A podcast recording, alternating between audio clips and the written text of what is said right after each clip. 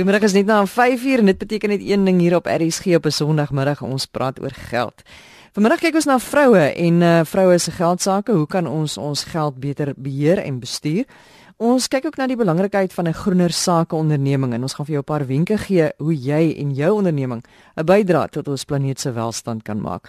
Maar ons begin die program met ons geldmentaliteit. Maak dit van ons ryk mense of maak dit van ons arm mense? So baie welkom by vanmiddag se Rand en Sent. Ek is Susan Stein. En ek het gewonder hoekom lyk dit asof sommige mense net al die geld in die wêreld na hulle toe aantrek. En ander van ons werk hard en ons voel ons kan net regtig nooit genoeg hê of net regtig nooit voorkom nie. Wikus Olivier is van Deadsafe en ek en hy het so 'n bietjie gedagtes hieroor uitgeruil. Hy vertel vir my van die boek wat hy lees van Robert Kiyosaki. Uh jy het seker al die boek gelees dalk of gehoor van die boek Rich Dad Poor Dad en hoe verskillend hierdie ou se biologiese pa en sy mentorpa geld sien en die maniere waarop geld vir jou kan werk en hoekom die een ryk geword het en die een arm gebly het. Nou hierdie boek is nie noodwendig van toepassing op enige van ons nie, maar ek het gehoor wat Wikus se insigte is rondom geldmentaliteit en wie weet, miskien kry ons 'n paar wenke hoe ons ons geldmentaliteit kan verander en 'n bietjie meer geld in die bank kan kry. Wikus, wat sê jy? Alles in sy boek wat hy van praat, trek hy terug na die ou se mentaliteit en sy ingesteldheid rondom geld en die persepsie van sy armpa dat daar te min geld in die wêreld is. Daar's altyd 'n tekort aan geld. Want tipiese vrae wat sy pa vir hom gevra het was, "Man, dink jy geld groei op my rug of ek het nie geld nie." Ons is al klaar oor begroting hierdie maand en dit is alles goeders wat vas lê dat daar nie geld is nie. Geld is min, geld is nie beskikbaar nie. Waar sy ryk pa aan die ander kant het gesê wel ek kan dit nou bekostig maar ek gaan 'n plan maak om dit te kan bekostig. En sy rykpa se ingesteldheid was een van oorvloedige finansies. Daar is te veel geld in die wêreld en jou ingesteldheid moet wees dat jy 'n plan maak om daai geld in die hande te kry. En sy rykpa het begin te belê op 'n klein hoeveelheid hier 'n bietjie gespaar daar gespaar en hy so die stuurbal effek gekry en hy het later eiendom gekoop En jy kon net so sien hoe die verskil tussen hierdie twee wêrelde. Op 53 jarige ouderdom is hy ryk, baie ryk. Sy is rykpa se seun wat sy vriend was, is ook baie ryk. Hulle het eiendomsportefeuilles, hulle het besighede wat hulle besit en dit alles oor hulle ingesteldheid oor geld. Waar sy arm pa net arm gebly het, uit net sy werk verloor en en hy het die ingesteldheid gehad van ek kyk eers na sekuriteit. Ek wil my sekuriteit reg hê, laat ek 'n goeie werk hê, myself goed kwalifiseer ek verdien 'n goeie salaris en ek bær my pensioen en eendag tree ek alright af en ek sal van wees. Hy het nie oorvloedsmentaliteit nie. Wat 'n ryk pa het gesê man ek kyk eers na my finansies en dan bou ek my dinge daar rondom en ek sorg dat binne my finansies plan en my doelwit, my finansiële plan en doelwit wat daar rondom gaan, daar binne vir my sekuriteit kom en dan bou hy daarop. So die twee se benadering is heeltemal anders en dit kom altyd terug na jou mentaliteit en jou houding teenoor geld. Dit klink nou baie lekker en dit klink nou baie inspirerend en baie maklik, maar ek weet nie hoe kan 'n mens dit nou sommer net so verander en wat doen jy nou as jy nou as jy nou net nie so baie geld het nie en jy moet nou hierdie hele proses verander? Ek gaan nou weer terug gaan na Robert Kiyosaki toe want sy storie is my eintlik net so lekker en dit is nou nog redelik vars in my geheue. Hy was in die weermag en toe hy nou daar uit die weermag uitkom, het hy 3000 dollars wat hy gespaar het. Hy het ook van niks af begin nie, maar hy het 'n mentor gehad en dit was nou sy rykbaan. Die ou het hom geleer waarna moet jy kyk, hoe moet jy jou goed struktureer dat jy jouself finansiëel vorentoe kan vat? Watse belastingvoordele moet jy na kyk? Moet jy dit binne besigheid doen? Moet jy dit in jou persoonlike hoedanigheid doen? Al daai tipe goed. Maar wat hy vir hom gesê het, is jy moet 'n plan gaan maak vir elke ding. Daar's drie goed: vir jou sekuriteit, vir jou gemak en vir jou rykdom en moet vir elkeen van daai 'n plan gaan optrek. Dit vat dalk 'n paar dae, dit vat dalk weke, dit vat dalk maande. Op sy finansiële plan het hy amper 9 weke wat hy spandeer het om dit op te trek. En dan gaan besluit jy nou waar wil jy finansiëel wees in jou lewe? En dan trek jy 'n strategie op want maak nie saak of jy niks het nie of jy baie het nie. Jy kan altyd 'n plan gaan maak en dan gaan geleenthede oor jou pad begin kom. Want as jy daai ingesteldheid ontwikkel, in jou onderbewussyn gaan jy die geleenthede begin raak sien wat oor jou pad kom en dan gaan jy hulle begin vat en jy gaan 'n stappie vorentoe, stappie vorentoe tot jy eendag uitkom by jy wil wees. Because nou goed, iemand kom sit daar by jou en die persoon is in die skuld of is die persoon is in die geldmoeilikheid en jy wil hierdie gesprek wat ons nou gehad het op die persoon van toepassing maak om die persoon te help. Wat gaan jy vir daai persoon sê? Kyk as hulle by ons kom en hy is vrot van die skuld, is skuld die eerste ding wat hy van ontslaan moet raak. Want jy kan nie as jy vrot is van die skuld en al jou addisionele inkomste gaan teenoor skuldbetalings gaan jy nie finansiëel voorkom nie. Skuld kan 'n goeie ding ook wees wanneer jy dit gebruik om jouself finansiëel vorentoe te vat. So jy kan byvoorbeeld 'n uh, tweede verband kry wat jy wil belê in 'n maatskappy. Jou rentekoers daar is byvoorbeeld 10% en die opbrengste wat jy kry uit die belegging wat jy daai geld vir gebruik het is dalk 15% en jy dra jou paaiement so met 'n behoor inkomste en dan jy voor op jou finansies. So skuldberading sal vir so 'n persoon tipies die eerste stap wees in sy plan om uit skuld uit te kom. Raak ontslaaf van al die slegte skuld, al die duur skuld en kry die skuld op my boek wat vir my vorentoe kan vat.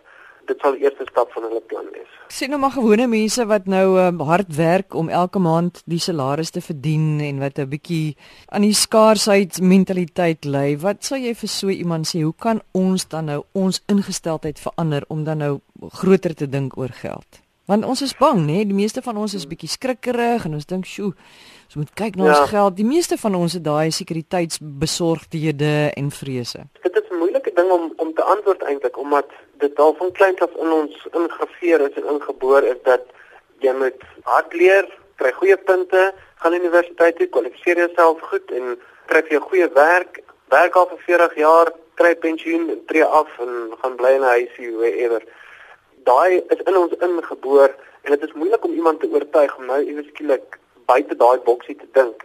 Want as jy teruggaan na na Robert Kiyosaki toe, hy kon nooit sy pa oortuig het, selfs al was hy 'n ryk man en hy sy pa kon die die resultate sien van sy benadering tot finansies, het sy pa nog steeds altyd net die skaarsheidmentaliteit gehandhaaf. En daar's niks verkeerd daarmee nie. Dit gaan oor 'n ou se prioriteite. As jy 'n persoon is wat meer sekuriteit najag en dit is wat vir jou in die lewe belangrik is, dan doen jy dit so. Jy kry finansiële voertuie wat vir jou binne daai omgewing ook opsies gee waar jy elke maand 'n sekuriteitsbedrag kan neersit wat jy kan belê wat vir jou eendag vir jou aftrede is, wat vir jou kinders nagelaat kan word. So, ou moet maar net met jou finansiële adviseur gaan praat en kyk wat pas binne in jou prioriteitsstel in. Ja, baie belangrik dat 'n mens van so vroeg as moontlik af met 'n finansiële kenner of 'n finansiële beplanner kan sit en gesels sodat jy jou planne vir die toekoms agter mekaar kan kry. En ek gaan volgende week praat met 'n lewensafrigter en 'n kenner van die neurowetenskap. En ons gaan kyk hierdie breinpatrone wat ons vasgelê het van ons kinderjare af wat ons geldmentaliteit bepaal kan ons daaraan werk? Kan ons dit verander en hoe kan ons dit verander sodat ons dalk ons verhouding met geld beter kan maak en meer daarvan in ons lewe kan kry? Maar dankie Wikus Olivier, hy is 'n skuldberader by DebtSafe. Jy luister na Rand en Sent hier op RSG. En uh, nou gaan ons praat oor groener sakeondernemings. Hoe belangrik is dit en hoe kan ons ons klein sakeonderneming meer omgewingsvriendelik maak? Gerry van Biljon is die uitvoerende direkteur van Business Partners. Hy is op die lyn. En Gerry, wat is jou wenke vir 'n groener sakeonderneming? Eerste instansie, ek dink dis 'n geval van kry die kommitment van jouself af om dit te doen. En natuurlik die mense wat saam met jou werk, of dit nou jou jou leiers is en of dit jou werkskorp is, want dit is 'n gesamentlike poging op die einde van die dag en en begin met die klein goedjies. As 'n mens nou hierdie proses beplan, dan dink mense altyd jy moet nou gesofistikeerde prosesse en goed hê, maar begin met die klein goed wat eenvoudig is.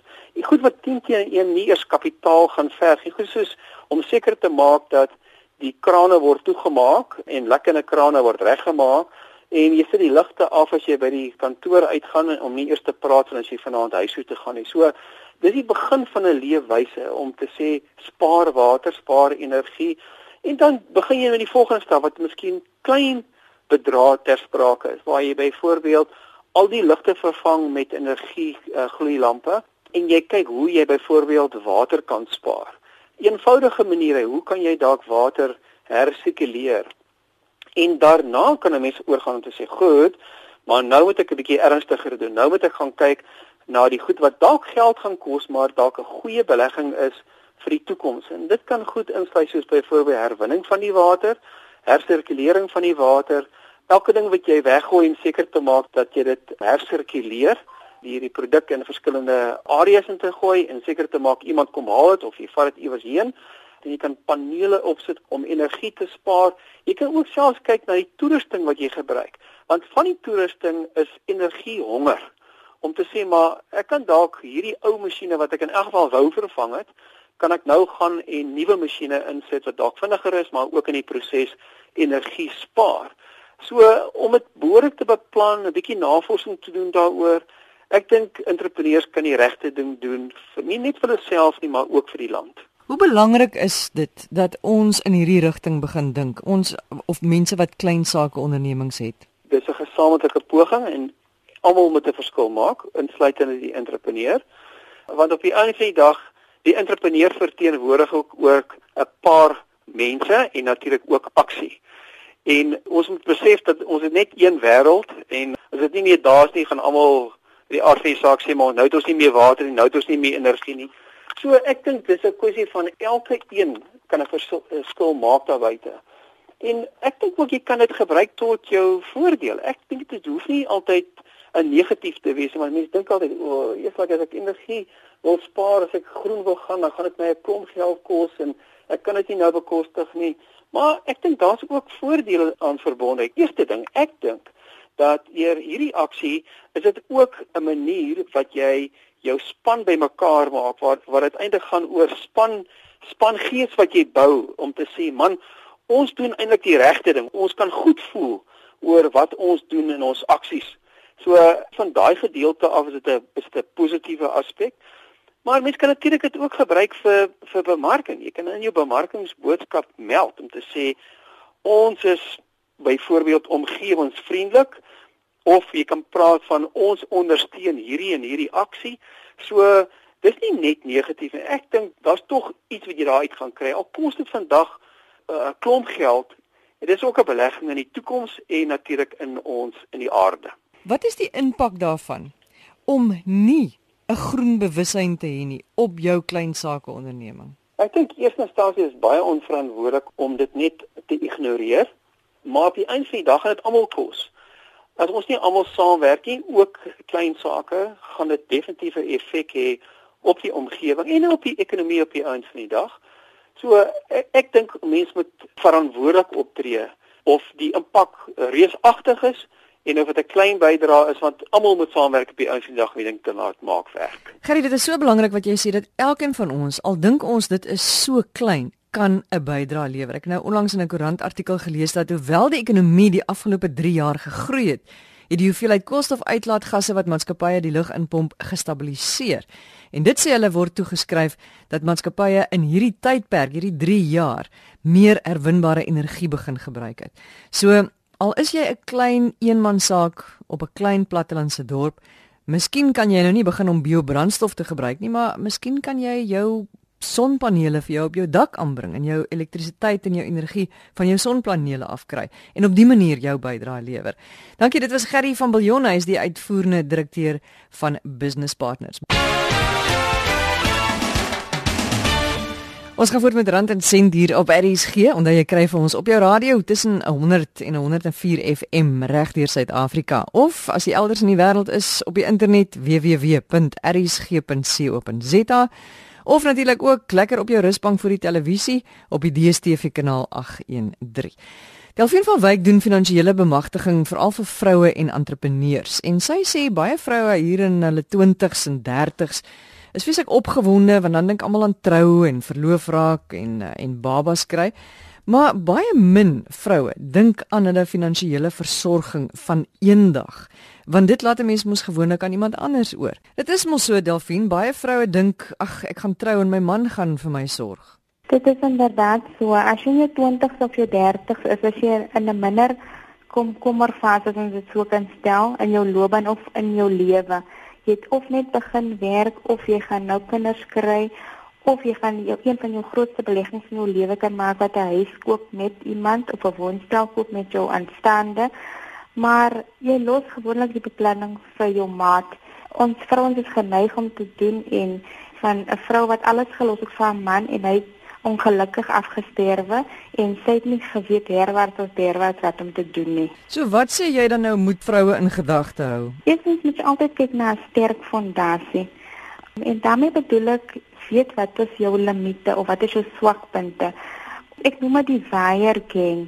Moenie vasgevang word in die wire gang nie. Jy weet vrouens sit in, in 'n koffiewinkel en is net die een kredietkaart na die ander een wat geflash word. Is soos 'n kompetisie wie die meeste wat geflash word. Maar hulle weet nie waar gaan hy geld vanaf kom einde van die maand om dit terug te betaal nie. So hulle enkele nou kan flash. En dan as 'n mens nie is in die arbeidsmark, kry jy aantreklike aanbiedinge met kaarte en jy word gelok om te gaan skuld maak. Nou ek sê altyd jy kan skuld maak, maar wees bewus van watter tipe skuld en dink mooi oor die skuld. Nie net hierdie klomp kaarte wat almal vir jou aanbied. Daar is nou wetgewing en plek vir die winkels dit nie weer te doen soos in die verlede, maar dit is tog nog in die mark onthoor elke dag van mense wat gebel word hieroor. Jy het 'n baie mooi vergelyking van hoe mense 'n trouring koop en dat dit soort van aansluit by jou finansies. Ja, die bruide, hulle het ook 'n checklys van 9 maande voor die troue, 6 maande voor die troue. So hulle beplan 9 maande al vooruit aan 'n troue, maar hulle is nie bereid om 2 ure met 'n finansiële beplanner te gaan sit nie. Is maar net die tipe vergelyking wat ek wil los met hulle. Dink net daaraan, 9 maande versus 2 ure. As ek dit kan deurtrek na mense wat verloof is wat gaan trou, as hulle nou na die trouring soek, dan was seker goed wat hulle kyk na in 'n trouring. So 'n tipe trouring wat by jou hand pas. Jy gaan weet of jy 'n breë pand gaan vat of jy 'n solitair gaan vat. Jy weet wat pas by jou hand. Nou dieselfde kan deurgetrek word na jou finansiële lewe toe. Wat pas by jou situasie op die oomblik? As ek byvoorbeeld dekking kan doen, dan as jy na huwelik gaan, moet jy altyd dink aan beskerming eers, want jy gaan nou saam huis opsit soos die ou mense self sê, so as een wegval en ons voorsien dit nie maar die lewe gebeur. As een wegval dan dan net een wat nou al daai goed moet dra wat jy beide gedra het. So die eerste ding wat jy moet aan dink is beskerming en dit is in die vorm van lewensdekking. Nou, soos ek sê, jy gaan kyk wat pas by jou hand. Jy moet ook kyk wat pas by jou hand in verband met lewensdekking. Baie mense sit met 'n finansiële beplanner en sy agterkop weet hy weet jy wat, ek kan nie die R800 bekostig nie. Maar hy teken al die dokumente, hulle teken alles en op die einde van die maand kan hy nie by R800 kom nie. So, weet wat pas by jou hand, wat kan jy bekostig en dan is daar ook verskillende opsies. As jy jonk is en jy verdien nog nie baie geld nie, het jy opsies waar jou premies klein begin en dan styg almate jy meer begin verdien. Of jy kan byvoorbeeld 'n uh, dekkingsbedrag hê sê maar 1 miljoen wat net 1 miljoen bly, dit gaan nie op nie en jou premie word dan hoër. So daar's verskillende opsies. Kyk wat pas by jou hand. Dan kyk wat pas by jou leefstyl as jy 'n ring koop. As jy baie met kindertjies werk of jy werk in 'n fabriek, gaan jy nie 'n solitair koop nie want jy is bang jy gaan dit verniel. Jy kyk na jou leefstyl. En dieselfde vir vir jong mense, baie min mense weet dit. As jy 'n gevaarlike sport beoefen, alles het 'n stokbeetjie. Jy moet jou lewensversekeraar daarvan in kennis stel. Dan sou iets met jou gebeur, kan die kans nou wees dat hulle jou nie sal vergoed nie. So dit maak altyd seker jy lig jou lewensversekeraar in van dit want dit mag vir jou nie 'n hoë risiko is nie. Hulle gaan elke naweek en hulle gaan doen gevaarlike stoppertjies, maar vir die lewensversekeraar se perspektief is dit 'n gevaarlike risiko. So maak seker van jou leefstyl. Delfin, jy sê jy het 'n soort som uitgewerk um, of 'n metode uitgewerk hoe 'n mens kan jou geld sake bepaal voordat jy daai kredietkaart gaan kry. Ja, soos ek voorheen gesê het, Susan, ek was in die finansiële wêreld en baie van my kennis is nie my eie, dit is ook oorgedra aan maatskappye aan my. So ek het hom nie self uitgewerk maar as in my opleiding wat ek dit gedoen het. Nou voordat 'n mens op krediet koop, moet ons eintlik kyk kan jy dit reg bekostig? Want onthou as jy nou die vrou in die huis gaan wees, gaan jy eintlik die minister van finansies in die huishouding wees. Jy gaan beheer het oor wat kry ons in, wat gaan uit, kan ons goed bekostig. Nou as jy byvoorbeeld met 'n R8000 tuimeldroër, nou staan jy daar in die winkel en jy dink maar ek moet hierdie tuimeldroër hê. En die enigste manier waar ek dit kan koop is op krediet. En ek het nou hierdie nuwe kredietkaart en ek het hom nie gebruik en hy brand in jou sak in. Nou net 'n klein sommetjie Baie mense weet nie wat is hulle uurlikse vergoeding. Hulle weet ek kry per maand sê maar R8000. Nou vat jou maandelikse salaris voor jou aftrekkings en jy deel dit deur 22 werkdae want dit is gewoonlik die werkdae in 'n maand is 22 en jy deel dit deur 8 en 8 ure in 'n werkdag gewoonlik. Dan kry jy jou uurlikse koers. Nou kan jy uitwerk hoe lank moet jy werk daarvoor om daai tuimeldroër te kan bekostig? Nou vat jy die koste van die dit is nou R8000 dan deel jy jou uurlikse koers in daai R8000 dan weet jy hoe lank sal dit vir my neem om dit af te betaal. Hoeveel ure moet ek werk? Jy sal twee keer dink voor jy alles net op krediet gaan koop. Delfien baie baie dankie. Hierdie is regtig baie belangrike stof tot nadenke want dit maak nie saak of jy saam met iemand is of jy 'n verhouding is of jy getroud is nie of jy man of 'n vrou is nie, maar jy moet na jou geld sake omsien. Jy moet 'n bietjie nadink, jy moet 'n klein bietjie beplan. Dit is Delfien van Wyk. Sy is 'n finansiële kenner en sy doen finansiële bemagtiging veral vir vroue en vir entrepreneurs. Dit is die einde van Rand en Sent. Onthou jy kan 'n e-pos stuur. Nou, ons het nou 'n nuwe e-posadres en die adres is susaan@rsg.co.za. So die nuwe e-posadres vir Rand en Sent is susaan s u z a a n by rsg.co.za stuur gerus vir my jou voorstelle of jou vrae. Onthou volgende week kyk ons dan na hoe 'n mens jou breinpatrone wat jy vasgelê het rondom jou geld sake uh kan verander indien jy dit kan verander. Ons gaan daaroor gesels met 'n lewensafrigter en 'n kenner van die neurowetenskap en ons gaan ook kyk na wyn as 'n belegging vir baie mense. En dan gaan 'n uh, eiendomsbelegger vir ons 'n luisteraarsbrief of 'n luisteraarsnavraag gaan hy vir ons beantwoord. Onthou dis volgende week om in te skakel op Rand en Sent. Ek is Susan Stein. Dankie vir die saamluister vanmiddag en uh, ons praat volgende Sondag weer. Totsiens.